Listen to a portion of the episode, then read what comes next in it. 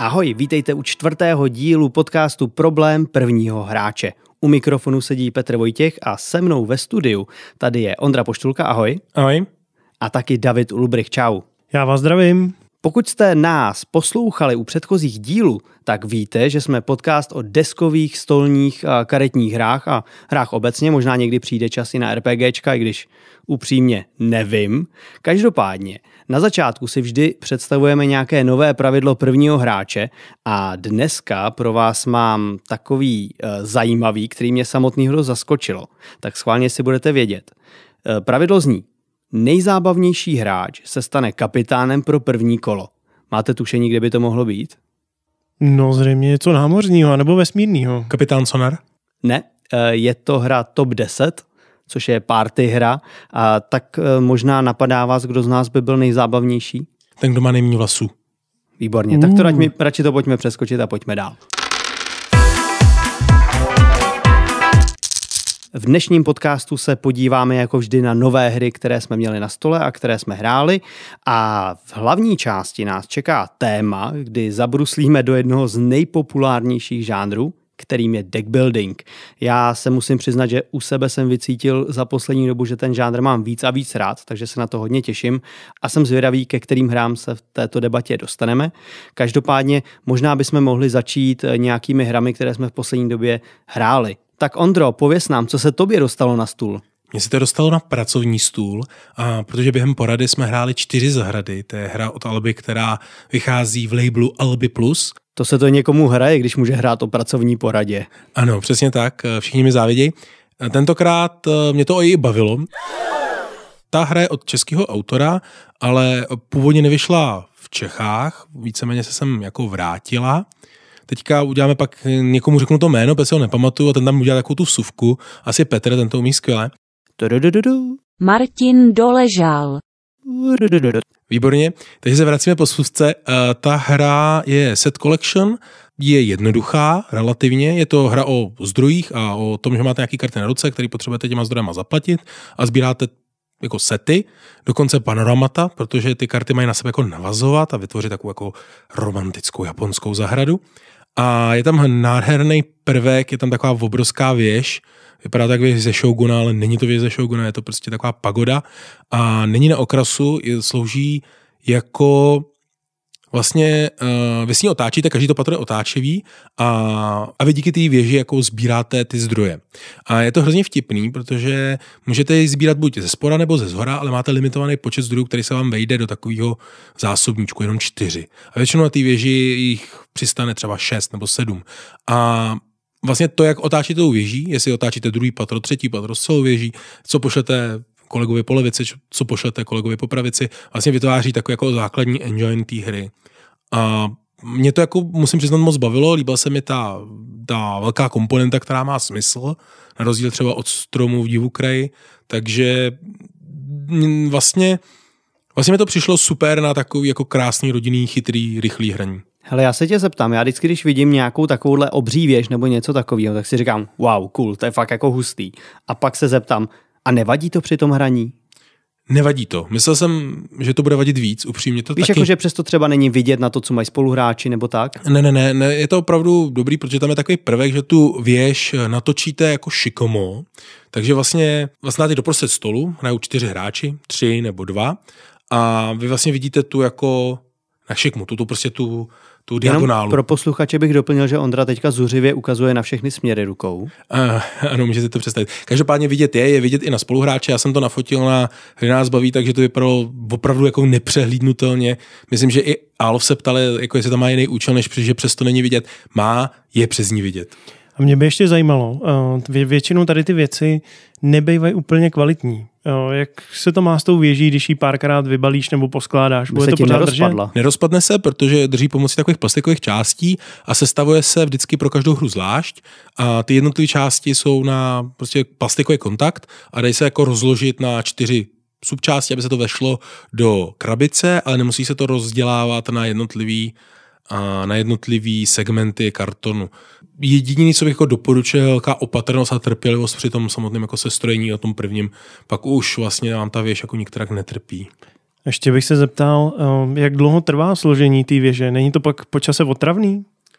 Uh, ne, ne, je to během pěti minut, co pěti minut, mm, pěti sekund složený, opravdu jenom nastavíte na sebe ty části, dáte plop, plop, plop, zase gestikuluju. Každopádně eh, to úvodní složení je náročné, na to se určitě jako dobrý si vyhradit čas.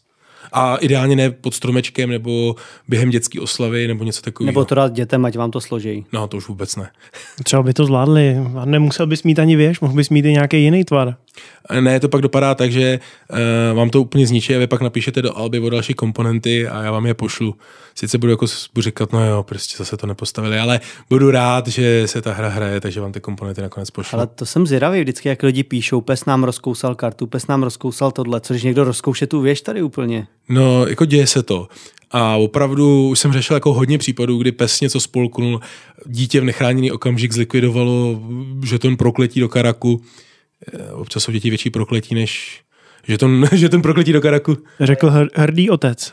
Ano, ano. Hele, já mám takhle rozkousaný nějaký žetony v parcích, ale nikdy mě nenapadlo si to nechat vyměnit, naopak to mám jako takovej, takovou pěknou vzpomínku, mám tam těch pár fotek, eh, to naštěstí to jsou jenom ty fotky, u kterých to zase tak nevadí, které jsou prostě rozkousaný v obsah, když to hrajem, tak kdo ho vylosuje, tak má takový, takový štěstíčko navíc. Já myslím, že pes taky rád vzpomíná, když to vidí. No ty znám, Davide, ještě dlužíš, eh, co jsi hrál? Uh, nejvíc v poslední době jsem hrál Out, uh, to máme asi s Petrem společný, a já musím říct, že teda Out je výborný. Ať jsem proti němu měl nějaký výhrady ještě než jsem si ho zahrál, tak potom, co jsem si ho zahrál, tak jsem je všechny nechal za sebou. Ten první vstup je trošku komplikovanější, ta hra má ty pravidla složitější, ale myslím si, že během prvního kola se ty hráči všichni naučí a tak nějak budou vědět, co mají dělat a během druhého kola už vám budou pěkně zametat na té mapě ty vaše figurky a budou vás pěkně prasit, takže já si myslím, že svět je ještě v pořádku. Mně se Out taky vlastně hrozně líbil. Jednak jsem od toho původně úplně čekal, že to bude nějaký pokračování rootu trochu, ale řekl bych, že to není, že ta hra má úplně vlastní DNA. Úplně jiná. Tak eh, vlastně není tolik asymetrická, nebo takhle. Ona na začátku není tolik asymetrická, že vlastně když začnete, tak to není, že se každý učí úplně vlastní sady pravidel víceméně sadu pravidel máte stejnou, jenom se jsou tam dvě role. Vlastně jeden hráč je ten panovník nějaký, kancléř a ostatní jsou vyhnanci, nebo ještě občani, ale víceméně všichni hrajou stejně, ale postupem hry se, se ta asymetričnost tam do toho dostává kartama a vlastně kartama rádců, který máte u sebe.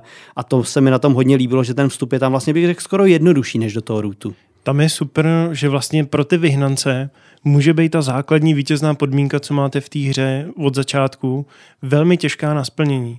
Ale vlastně díky tomu, že tam jsou v těch různých balíčcích, těch uh, různých lokací další karty, uh, takzvané karty vizí, tak ty vám dají nový vítězný podmínky a vlastně pro toho vyhnance je dobrý, že on si tu vizi může nechat skrytě jako svýho rádce, neodhalovat to a ve chvíli, kdy to má splněný, tak to teprve odhalí a může se vlastně připravit na to, protože jakmile to odhalí, tak to musí ještě udržet celý jedno kolo, tak po něm všichni půjdou.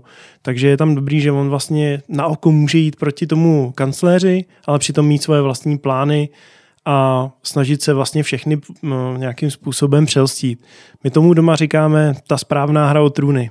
Jasně, hra o trůny možná taky, ale mě vlastně to víc evokuje takovou tu nejvíc příběhovou hru. Je to prostě hra, která opravdu vypráví příběh po každý jiný. My po každý jsme si po té potom, po tý seanci sedli a vyprávěli jsme, co se vlastně stalo, protože to vždycky bylo jako hodně pikantní a hodně zajímavý.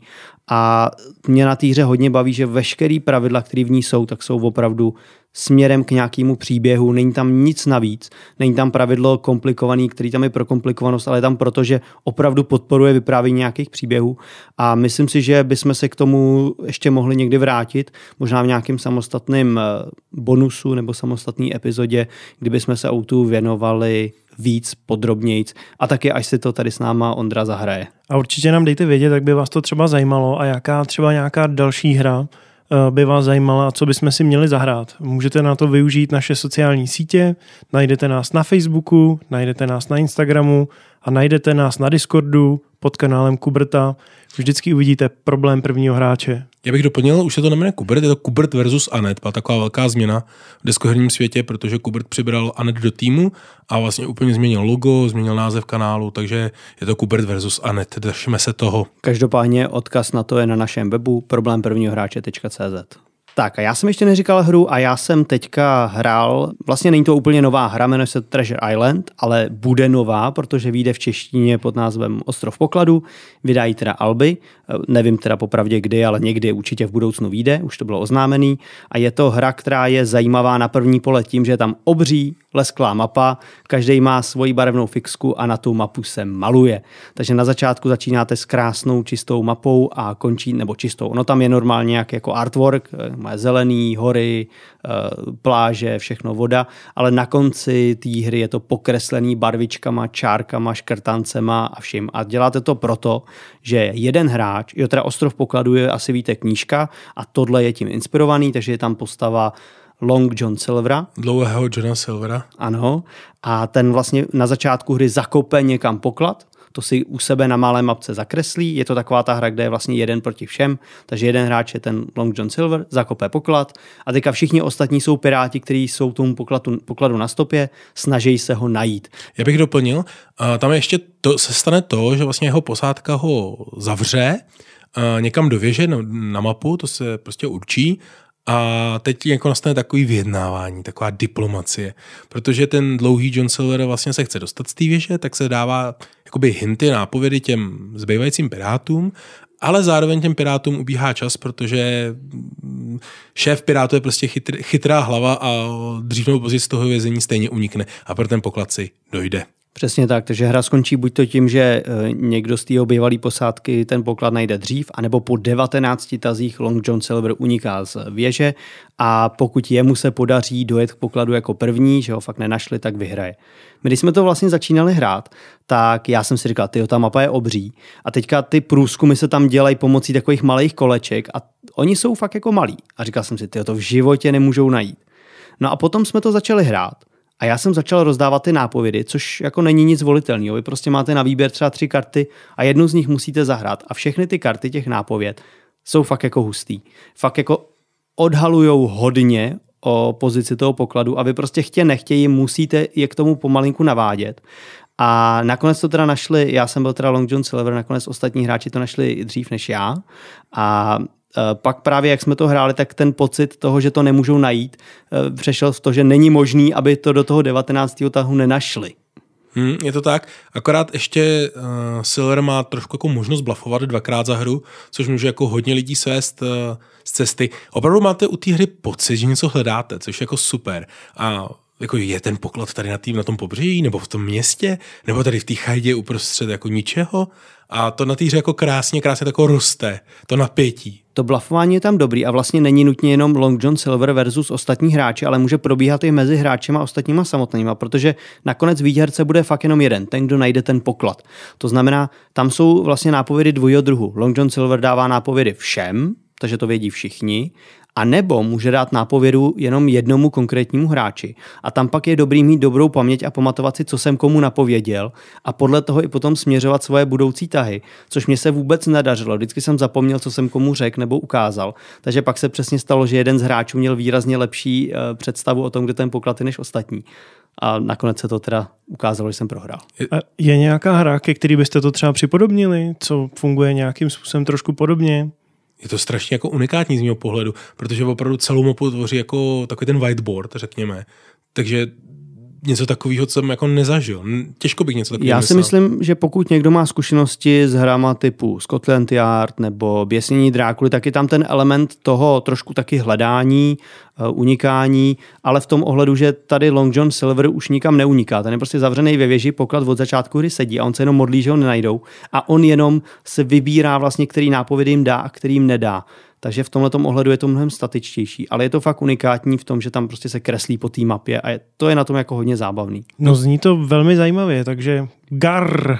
Dokonce dostanete obrovský kružítko, který můžete jako vytyčit uh, takový perimetr, ve kterém se to dá hledat. Kružítko je super, já bych to uzavřel, mám akorát jedinou vlastně výtku, tam úplně super věc, že tam je uh, truhla, kterou, když se najde poklad, tak vy do ten poklad hodíte do truhly a tomu hráči to předáte. A nebo mu do té truhly můžete, jako nenašel to, ale tady ti dávám nějaký malý hint nebo nějaký malý bonus. No ale chybějí tam žetony na to, jakože nenašel si nic. Tam je totiž úplně super moment, že vy můžete hodit něco do té truhly podat to tomu hráči, zaklepat mu s tím a on teda ještě furt ještě do poslední chvíle neví, jestli ten poklad objevil nebo ne. Tak kdyby do té hry ještě za, zařadili žetony smůla nic si nenašel, tak by to podle mě bylo úplně dokonalý.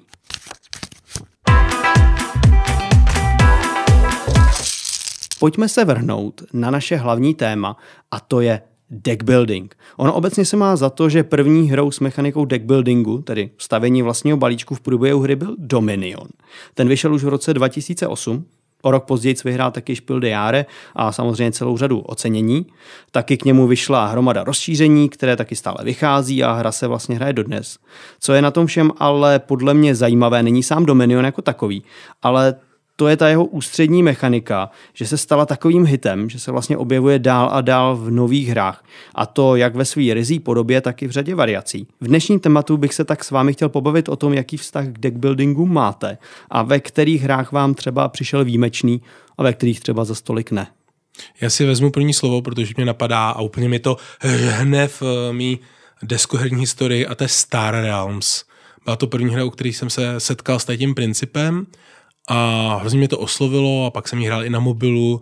A musím říct, že to bylo jako úžasná, je to teda dvojkovka, duelovka, velice rychle představím, hrajete vlastně to vesmírný setting, velký obr, obří vesmírný bitvy, vy na začátku máte opravdu, jako, jak to bývá v deckbuildingu, naprostý plívy, jenom karty, které vám přinášejí zdroje, útoky, každý hráč má 50 životů, vy se snažíte se razit na nulu, a v průběhu té hry vlastně jsou tam čtyři frakce, které dobíráte do svého balíčku a tady ty frakce vlastně jako můžou, vám přinášejí různé vlastnosti. Každá z těch frakcí vlastně jako reprezentantem jedný typický deckbuildingové vlastnosti. Jedna umí prolízávat karty, další umí uh, svinit ruku, další umí odstraňovat karty z balíčku, to znamená jako čistit balíček a tak dále a tak dále. A navíc jsou tam ještě nějaký komba, když sbíráte jako jeden typ frakce, ale někdy se vyplatí sbírat tu duhu, která vám prostě přinese to nejlepší ze všeho. Takže za mě to určitě Star Realm. Já jsem si hrozně oblíbil dvě deckbuildingové hry a jsou si velmi podobný a zároveň jsou každá úplně jiná. Tou první, jako první bych teda asi jmenoval Dunu Imperium, která mi přijde naprosto skvělá. Je to kombinace deckbuildingu a worker placementu, takže vlastně si děláte balíček, snažíte se získávat co nejlepší karty, se kterými můžete provádět co nejvíc akcí a co nejefektivnějších akcí a zároveň umístujete svoje pracovníčky na mapě a získáváte za ně suroviny nebo umístujete jednotky na mapu a tím, že tam je vlastně ještě ten konflikt, ve kterém se eh, každý kolo se vlastně vyhodnocuje konflikt, tak mi to přišlo opravdu jako výborný. A v obě ty rozšíření, co do toho jsou, to první jsem hrál, to druhý jsem zatím jenom viděl, tak mi přijdou, že tu hru nějak zvlášť nezesložitujou, že naopak přidávají možnosti a nedělají delší nebo nějak extra komplikovanou, takže to mi přijde naprosto super. Vlastně v obě tyhle hry, které jste zmiňovali, tak mají ten deck building sice jako jiný, ale stejný v tom ohledu, že deck building v takovém tom klasickém smyslu, kdy začínáte s celkem nuzným balíčkem nebo slabým balíčkem a postupem hry se ten balíček zlepšuje. A nejenom, že se vylepšujete, ale vy se vlastně vylepšujete cestou, kterou si sami určíte. To třeba já osobně na těch deck buildingových hrách mám to je to, co mě na tom láká, že začnu s nějakým základním balíčkem, ale pak si ten balíček rozvíjím a ty možnosti jsou jako netušený a, a prostě vylepšuje se to a já sám si vybírám, který karty tam přidám a to mě na tom třeba hrozně jako láká. Mě třeba vždycky baví, když uh, ta hra tě podporuje v tom, aby si byl kreativní a zkoušel nějaký nové cesty a nemáš tam takový ten vzorec, který furt opakuješ, teď musím rychle tohle a teď tohle, abych měl tohle a pak udělám tamto a vlastně jedeš podle nějakého vzorce a ta hra je vlastně po každý skoro stejná ale když ty hry tě podporují a dají ti ty možnosti, tak ty to po každý můžeš hrát trošičku jinak, nebo například, eh, nebo některé hry třeba úplně jinak a po každý si z toho neseš nějaký svěží dojem a nutí tě to jako přemýšlet na tou hrou i potom, co si dohrál a říkat si, ty tak příště bych to mohl hrát zase takhle. A ještě tu druhou hru, co bych zmínil, co je Duně velmi podobná, vlastně vyšly v podobnou dobu, tak je český Arnak, který u nás vydal Mindok. Je to od CGE a Arnak mi přišel naprosto skvělej už těma ilustracema, eh, tím tématem. A vlastně té Duně je to velmi podobný v tom, že je to taky deck building, taky tam umístujete svoje pracovníčky, ale vlastně se to hraje o dost jinak a ty cíle, které se tam snažíte dosáhnout, tam není ten konflikt, takže vy se tam vlastně snažíte posouvat na nějakých stupnicích a k tomu odemykat nový lokace, tam porážet nějaký příšery a na to potřebujete zdroje, který získáváte plánováním těch tahů a vlastně se snažíte co nejlíp ty tahy optimalizovat abyste z toho vytřískali co nejvíc a tím, že vám to můžou zaťápnout soupeři, tak vám to můžou pěkně zkomplikovat a vy je pak budete nesnášet. Já bych možná doplnil, že ten Star Realm považuji za hru, která je poměrně jako takový etalon deckbuildingu. Myslím, že to obsahuje úplně přesně to, co jsi říkal. Základní balíček jako hodně špatný a jenom v průběhu se jako rozhoduješ, co vlastně z té nabídky karet, kterou si můžeš pořídit, tak jako doplníš do toho balíčku. Já bych možná byl trošku v opozici. Já mám deckbuilding čím dál tím míň a míň rád. Jako herní mechanismus. A proč to tak je? Už jenom kvůli tomu, že se musí kombinovat s nějakýma dalšíma žánrama, aby byl, aby byl zábavný, jako třeba v Duně. Uh, vede mě k tomu vlastně to, že přes veškerou snahu o to, jak tu hru můžu ovlivňovat pomocí deckbuildingu, dochází poměrně často k náhodným efektům, který jsou schopný uh, hráče poměrně jako pojet. Samozřejmě můžu to ovlivnit tím, že budu pročišťovat balíček, což skrepování obecně jako jeden ze základních principů deckbuildingu a hra, která to neobsahuje, jako deckbuildingová, je podle mě není dobrá, ale jako dost často se stane, že vám prostě přijde fakt jako kombo na tu ruku. A dost často se stane, že vám fakt jako přijde šest základních karet. Prostě neuděláš s ním nic. A v tu chvíli prostě máš jako plonkový tah. A to mě vlastně na tady to mechanismu jako vadí. A vadí mi to do té míry, že si třeba ani Brink, který považuji za výbornou hru, jinak, tolik neužívám, protože prostě se stává, že i když se snažím prostě té pravděpodobnosti jít nějakým způsobem jako dopředu, naproti. prostě naproti, přesně tak, tak se mi stává, že mi to prostě strašně pojede v jeden moment. To je docela zajímavý. Eh, já to vnímám trošku jinak a to hlavně proto, že mě na tom deckbuildingu baví, že už to není jenom tady ten princip, právě to, co si zmiňoval, ty Star Realms, nebo uh, ostatně ten Dominion, že jo, ten takhle funguje, že vlastně tam máš ty karty peněz, který zahraješ a ty ti vlastně umožní jenom si koupit nové karty. Že vlastně i třeba bych řekl, že ta Duna už je posunutá v tom, že ty si kupuješ vlastně nové karty za ty karty, které si vlastně to kolo nepoužil. Je to tak, že ty totiž na konci jo, jo. to, co ti zbyde na Přesně ruce, tak. tak to se stane tvým platidlem. Ale vlastně to už není samo o sobě plonková karta, protože ona má i nějakou jinou super funkci. Ty musíš hodně přemýšlet a hodně si to plánovat, jaký karty zahraješ.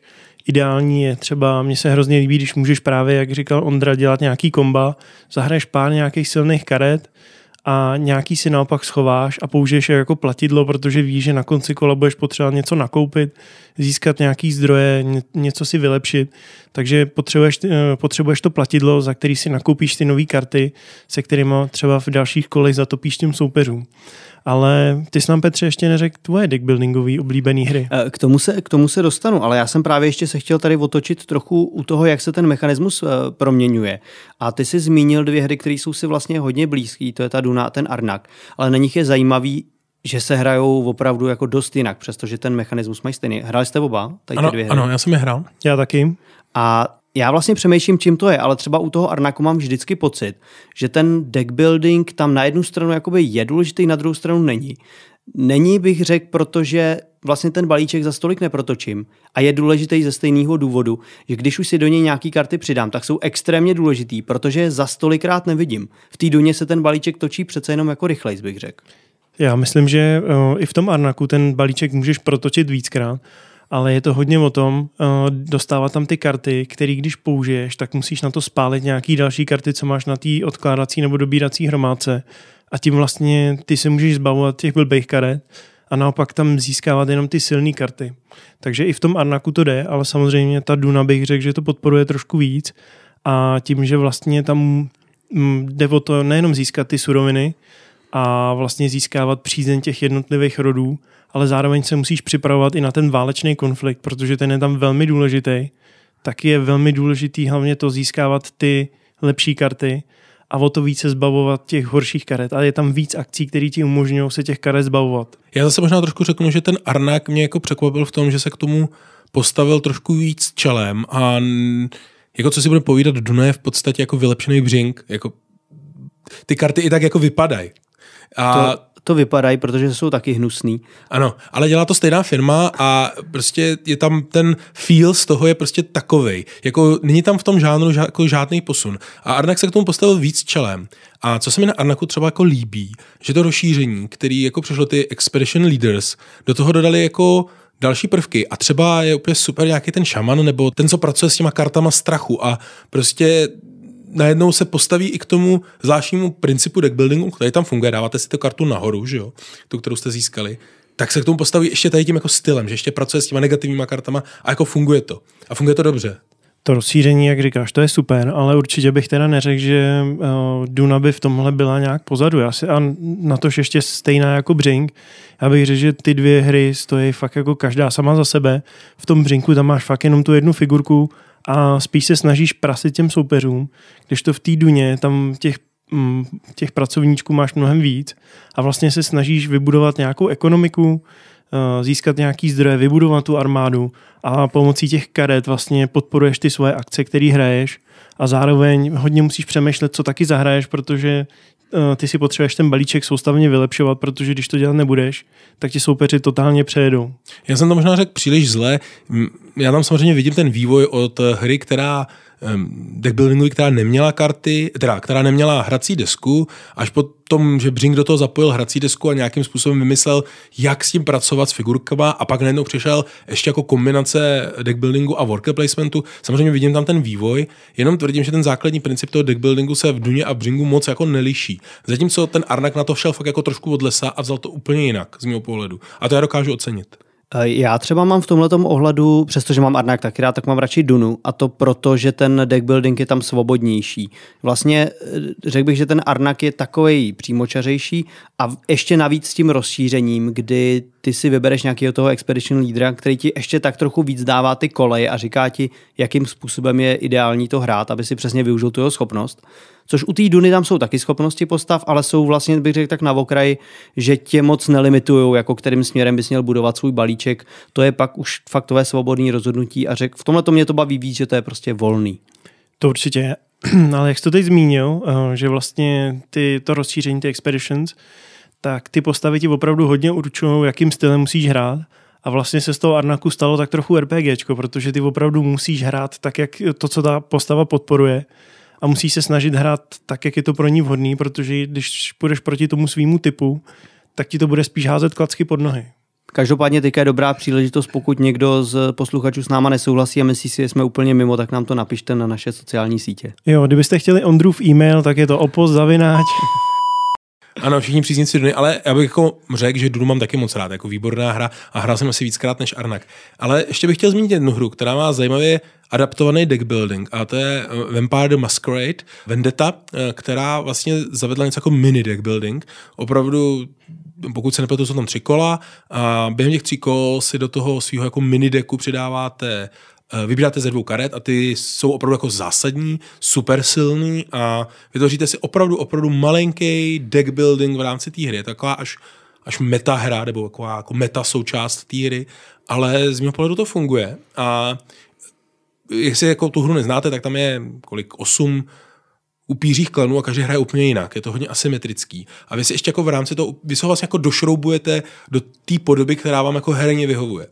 Jasně, budete hrát ten, ten klan nějaký klan je zaměřený třeba na krev a na získávání krve, některý je zaměřený třeba na krevní magi, tak neopustíte ty hranice toho, co ten klan umí, ale můžete si zvolit ten herní styl, třeba agresivní nebo víc blafovací, nebo něco, co se vám jako vyhovuje v tu chvíli. Takže tady bych řekl, že je to taky hrozně hezky a zajímavě použitý. Ta hra je velmi dobrá. Já mám taky tu zkušenost.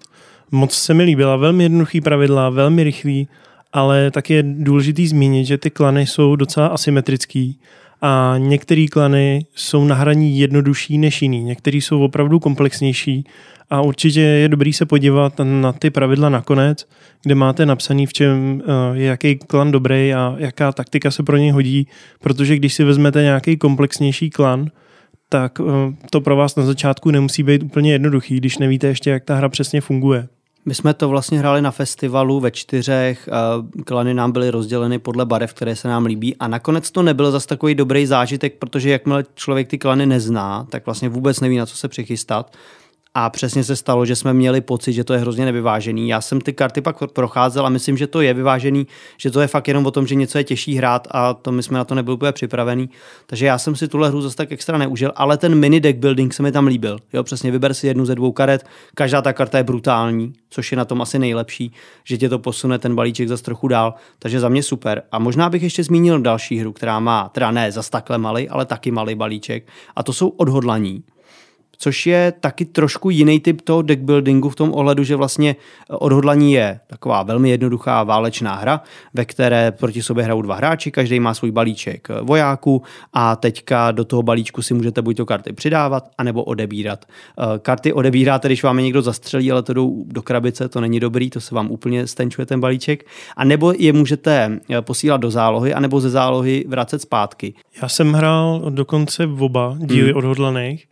Musím říct, že teda ty první se mi líbily trošičku víc. Eh, ty druhý z té Afriky, ty byly jiný. Jako musím říct, nebyly horší, ale byly jiný. Víc mě bavila, bavil ten konflikt v té Evropě a vlastně Eh, každá ta strana má nějaké jednotky. Obvykle Němčouři bývali docela zvýhodnění v tom, že třeba měli nějakého kulometčíka, což třeba ty Američany, Američani v některých scénářích neměli a tam se hodně háže kostkou. A vy od každého vlastně toho vojáka máte určitý počet karet a když schytáte zásah, tak si musíte odstranit jednu kartičku toho vojáka. Nejdřív ze zásoby, pak ne, nejdřív z ruky. Je nejdřív z ruky. To je nejhorší právě. Tak, pak z té odhazovací hromádky, a pak z té zásoby. A jakmile vám vlastně ta jednotka dojde, tak eh, je mrtvá, jo? protože se to nebere jako, že máte jednoho vojáčka, ale máte jich třeba celou četu. No počkej, ono to dokonce ani není, jo, teď ono to je totiž teďka jinak v tom prvním a v druhém. Eh, ve v Africe to bylo jinak, tam se myslím nejdřív prohledávala ruka, pak odhazovací balíček, pak balíček a pak, pak umřel a neřešila se zásoba, takže když si ho měl jenom v zásobě a měl si spoustu karet v zásobě a umřel ti poslední karta v balíčku, tak ta postava byla mrtvá, jo, už je to jedno. Máš pravdu, no to si vzpomínám, no to se mi tam stalo s tím raketometčíkem a to mě teda hodně bolelo. Protože to přesně, to zabolí. V té Africe eh, je mnohem víc eh, vozidel, hlavně hmm. teda zase ta německá strana často mívá různý tanky, No počkej, a, tam není německá strana, tam jsou uh, Italové, Italové a Britové. Italové a Britové, teda. Tak ty Italové často mývají vozidla a sestřelit ty vozidla bývá docela oprus a když už se vám to povede, tak se může stát, že přijde nějaký šmejt opravářský a zase to vozidlo opraví. Jo? Takže důležitý je postřílet ty opraváře, aby to nemohli opravovat a pak, pak už to je jednodušší. Já se nechci úplně klukům tady plést do seláky, protože já jsem to hrál jako dvakrát a bylo to rámci jednoho večera pili jsme to tatranský čaj, takže jediné, co si pamatuju, že Němci ubránili hrdině své území, zatímco prostě jako Američany jsme vytlačili zpátky do vody, takže, takže to je můj pocit z Undaunted, ale jinak jako obecně ta hra se mi hrozně líbí, líbí se mi ten, ta přístupnost té hry, líbí se mi, že je to vlastně nějaká taková rychlej úvod do uh, válečných her a do, žetonkov, do žetonových her a že to umí vyprávět příběhy. A vlastně mi vůbec nevadí, že američani tam nabíhají na kulumečíky, protože tak to prostě jako bylo v té historii a trošku, trošku vás to tlačí prožít ten příběh a zažít, zažít to napětí a opravdu vy jste ta útočící strana, ta to nikdy, nikdy nemá jednoduchý. Mě na tom baví, že je to deck building, který je fakt hodně čistý a to odstraňování karet z balíčku nebo přidávání do něj tam není jako vůbec triviální rozhodnutí. Že vlastně mít velký balíček se spoustou karet znamená, že jsem celkem odolný proti těm útukům, jako dobře, střílejte si do mě, já to přežiju. Na druhou stranu, vy vlastně, abyste tu jednotku ovládali, tak ji musíte zahrát její kartu. A když máte ty svoje dobré jednotky v obřím balíčku, kde máte spoustu těch i horších jednotek, tak šance, že se k ním prolížete, je malá. A vlastně to, jak budete ovládat ty jednotky na té ploše, bude trvat díl a budete pomalejší. Zatímco ten protivník, pokud ten balíček bude mít tenkej, tak ty jednotky bude úkolovat jako velmi rychle a bude se dostávat k těm rozkazům rychle, což tady prostě funguje úplně skvěle. Tam je ještě super vlastně, že ty, spousta těch jednotek umí přidávat uh, to war, uh, tu válečnou mlhu a to vlastně znamená, že jak na té frontě se bojuje, tak je tam zmatek, je tam nějaký kouř, Eh, ty jednotky na sebe křičejí, jsou ohlušený, nemají třeba spojení, takže vám se třeba může stát, že z těch karet, co si nalížete, tak polovinu budete mít tady ty karty válečné mlhy a to pro vás znamená, že ty vaše tahy v tom daném kole se razantně snížily, jo? protože ten Fog of War nedělá nic jiného, než že vám to plevelý balíček a je velmi důležitý se toho zbavovat, což vás samozřejmě zase stojí nějaký tahy, takže vy toho potom ve finále hrajete pořád míň a míň, ale zároveň tomu soupeři můžete takhle zatopit kdy on pak nemůže zahrát ty postavy, který má silný a vy ho mezi tím můžete postřílet. Ono obecně tady ten princip, vlastně to, co je na deckbuildingu třeba pro mě zábavný, to, co jsem už zmiňoval, že prostě se fakt začneš s nulou a postupně se zlepšuješ a volíš si tu vlastní cestu, tak třeba na počítači, nevím, jestli vám říkají jména něco jako je Hades nebo Slay the Spire. Hades. Hades je prostě skvělá roguelike hra, která ten deckbuildingový element využívá taky. Vlastně po každém kole si člověk vybere jednu ze tří nabízených vylepšení. Je to přesně jako kdyby po každém kole jste si vybrali jednu ze tří karet do balíčku a jedete dál. A je to vlastně zábavný v tom, že po každý ta vaše cesta bude jiná, po každý ty vylepšení, které si vyberete, budou jiný. A to mě třeba na tom úplně jako vzrušovalo a hrál jsem to furt do kolečka, protože jsem říkal, a příště si vezmu něco jiného a postavím to jinak. A to je to, co na tom funguje skvěle a to je to, co my jako deskohráči už známe roky, si myslím. Hele kluci, já už mám trošku kartu strachu, že už jsme dlouhý. Jo, to je hrozně dlouhý. Ale já bych tady jako úplně na závěr zmínil jednu technickou část, která je nutná říct. U deckbuildingu se vám hodně ty karty točí v ruce. A, a tím, jak se točí, tak se poškozují. Takže Ne. často se obalujou. Ne. A je to celkem důležitý, protože vás soupeř může vidět, jaký máte, jestli máte základní karty v ruce. E, Myslím tím, protože ty základních deset karet se protočí jako nejčastěji. Tak to je jedna věc, která je nutná říct. A druhá věc, lidi neumí míchat karty. A upřímně to je jako velká bolest uh, míchacích her, už od Magicu a prostě jakmile máte efekt, zamíchejte balíček, je to prostě špatně. A já teda vždycky zásadně míchám třeba na tři balíčky a třeba dvakrát. A hodně lidí udělá takový takový ten rychlý jako skanto, nebo jak se tomu říká, jako tu kaskádu, ale to jako není, to není dobrý.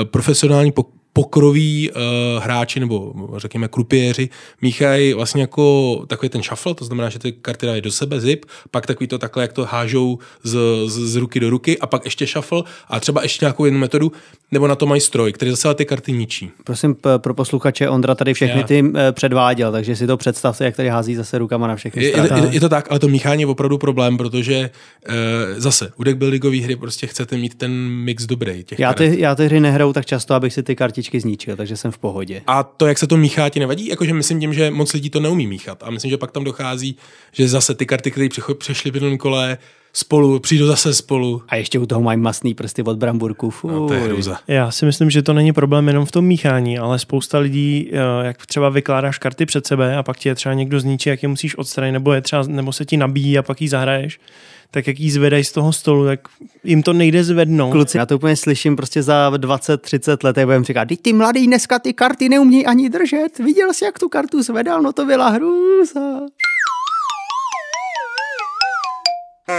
Já myslím, že to bude krásný bonusový díl nebo z takového věci, které nás na deskovkách jako útrpně bolej. Já si myslím, že v tu dobu už si budeme říkat, prosím tě, co mám napsaný na té kartě, ty ještě vidíš.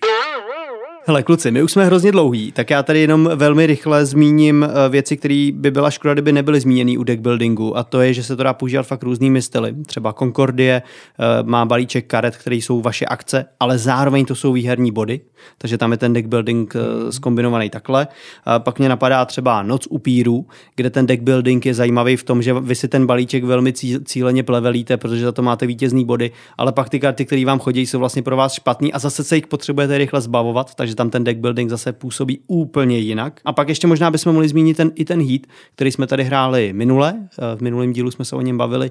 Ten deck building tam je, to spíš asi jako hand management, ale přece jenom karty se tam do balíčku přidávají a odebírají a taky to má jako značnou, značný vliv, přestože si tam přidáváte vlastně jenom jeden nebo dva typy karet. Rychlost balíčku, to je strašně důležitý, jak se vám ty karty protočej.